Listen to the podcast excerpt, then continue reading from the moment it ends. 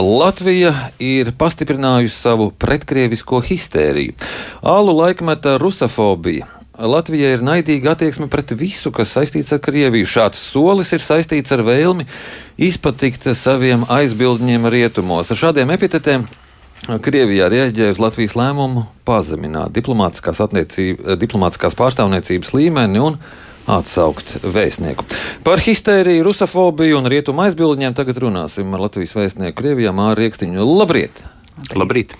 Šķiet, vēl mēnesi jūs var saukt par Krievijas vēstnieku, vēstnieku Krievijā. Tieši tā vēl līdz 24. februārim. -hmm. uh, parasti vēstnieks beidzot savu darbu pirms braukšanas mājās dodas atvadu vizītē pie kādas augststāvošas uh, amatpersonas ārlietu ministriju, kā nu kurā valstī pieņems. Kā būs ar jums tagad? Būs jāiet atvadu vizītē uz, ārli, uz Krievijas ārlietu ministriju vai vienkārši aizbrauksiet, tad, tad durvis aizcērtot zināmā mērā? Nu, godīgi sakot, šī varbūt ir tāda pirmā reize Latvijas modernās diplomātijas vēsturē, nu, pēc tam, kad mēs esam atjaunojuši savu neatkarību, kad mēs ar kādu valsti samazinām diplomātsko attiecību līmeni. Tā kā zinām, precedenti varbūt mēs šeit veidojam. Neapšaubāmi es atvadīšos no, gan no saviem vēstniecības kolēģiem, gan no, no Eiropas Savienības un, un, un NATO valsts kolēģiem, kas strādā, turpinās strādāt Maskavā. Nu, tādas atvadu vizītes, tādā klasiskā izpratnē, kādas, nu, piemēram, man bija, ka es braucu projām no Amerikas Savienotām valstīm savā laikā, nu, tāds šoreiz izpaliks. Varbūt kā tikšanās es neizslēdzu ārlietu ministrijā, bet nu, ne, jau, ne jau, protams, augstākajā līmenī, ne jau ministra līmenī. Lai gan godīgi jāsaka, ka Krievijā ārlietu ministrs eh, patiesībā nekad netiekās ar citu valstu vēstniekiem.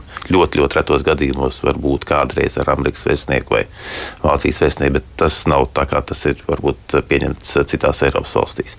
Tā kā būs nedaudz savādāka tā aizbraukšana, bet nu, tāda ir šī brīža situācija kopējā Eiropā un acīm redzot. Nu, Šīs ir sekas tam, tam ko Krievija Krievija uzsāka eh, pirms nu, jau vairāk kā astoņiem gadiem, 14. gadā anektējot Krimu.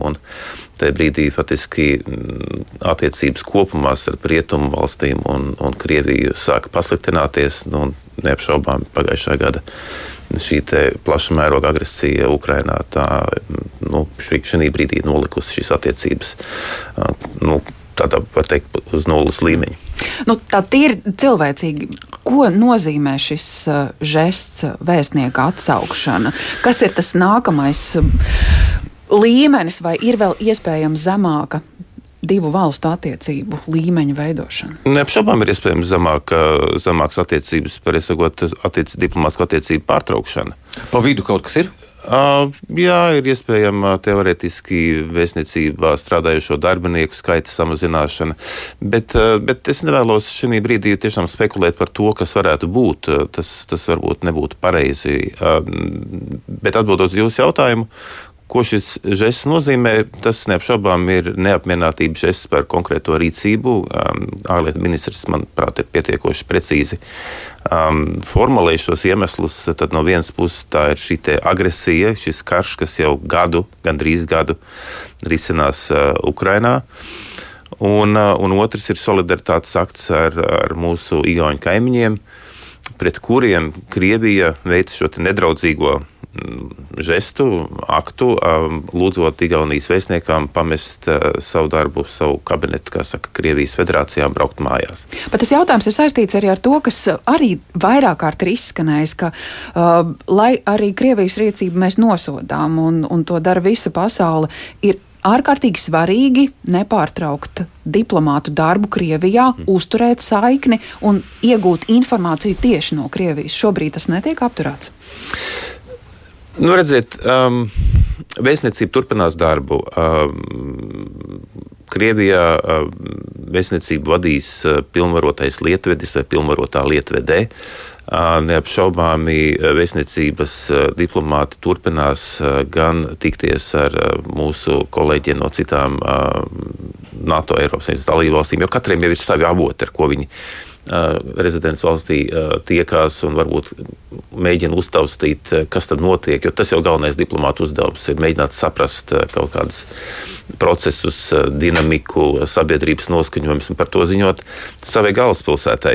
Skaidrs, ka katram diplomātam, izskatot vēstniekus, ir nu, tiksim, savs, savs personu lokus, ar ko tu strādājot gadu garumā, esi spējis iedibināt personīgu raksturu, varbūt nu, tādas uzticības pilnākas attiecības. Un, un, bet tas arī tad, kad vēstnieks vai kāds cits diplomāts dodas projām no valsts rotācijas ietvaros, tas arī mehāniski nodot nākošajam ir diezgan, diezgan sarežģīti.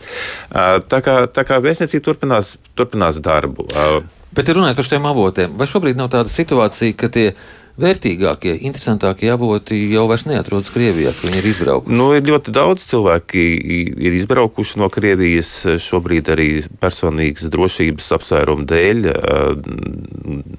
Strādā no dažādām Eiropas valstīm, tā skaitā arī, es domāju, klausītājiem nav noslēpums, ka viena daļa no Krievijas mēdīju pārstāvjiem, kuri, kuri pauž nu, pietiekoši kritisku viedokli pret pastāvošo Kremļa politiku, arī strādā, turpina savu, savu darbu um, Latvij, no Latvijas. Um, bet tajā pašā laikā nu, tomēr ir palikuši arī cilvēki, kas joprojām um, nav aizbraukuši. Nu, kā piemērs, uh, iepriekšējā gada Nobela miera prēmijas laureāts Dmitrijs Morātovs, kas joprojām uh, strādā un uzturās Maskavā. Viņš gan arī daudz ceļo, bet nu, viņš nav aizbraucis no Krievijas.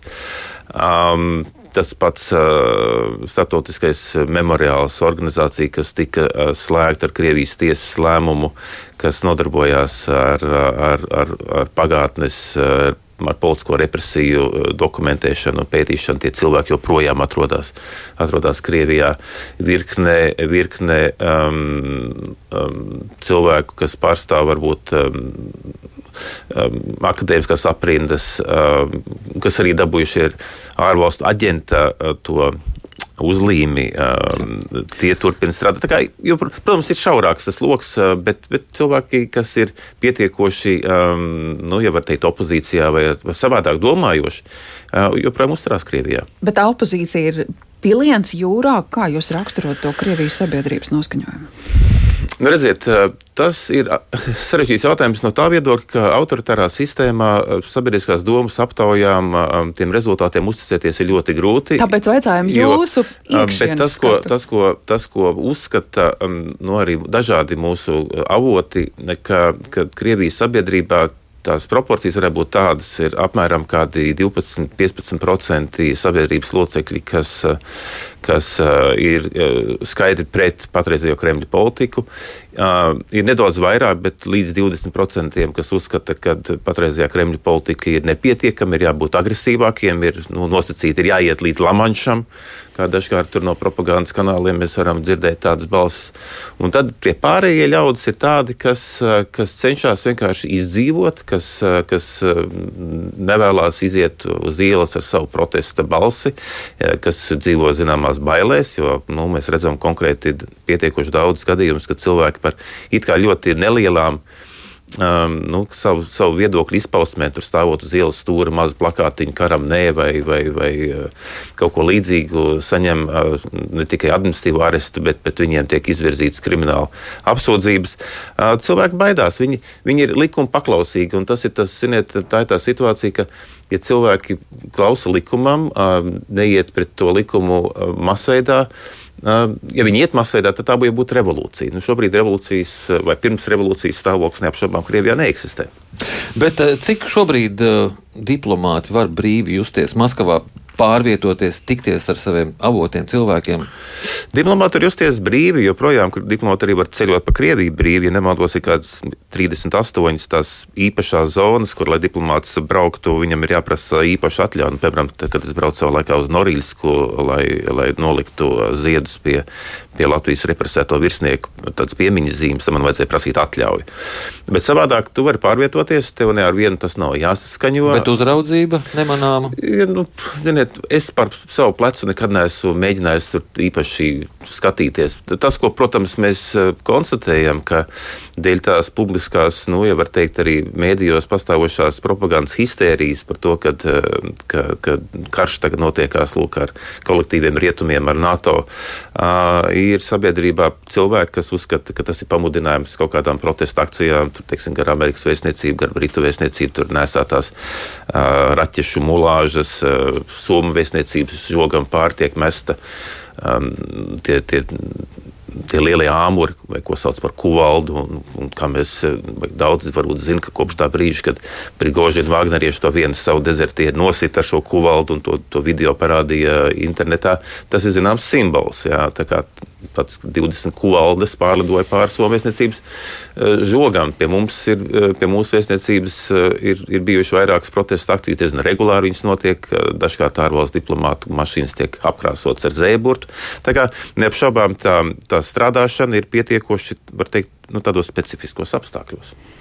Jā, mums jāsaka paldies jums par šo sarunu. Tātad mūsu studijā bija Latvijas vēstnieks Krievijā Mārs Rieksniņš. Paldies! Paldies par uzaicinājumu! Paldies.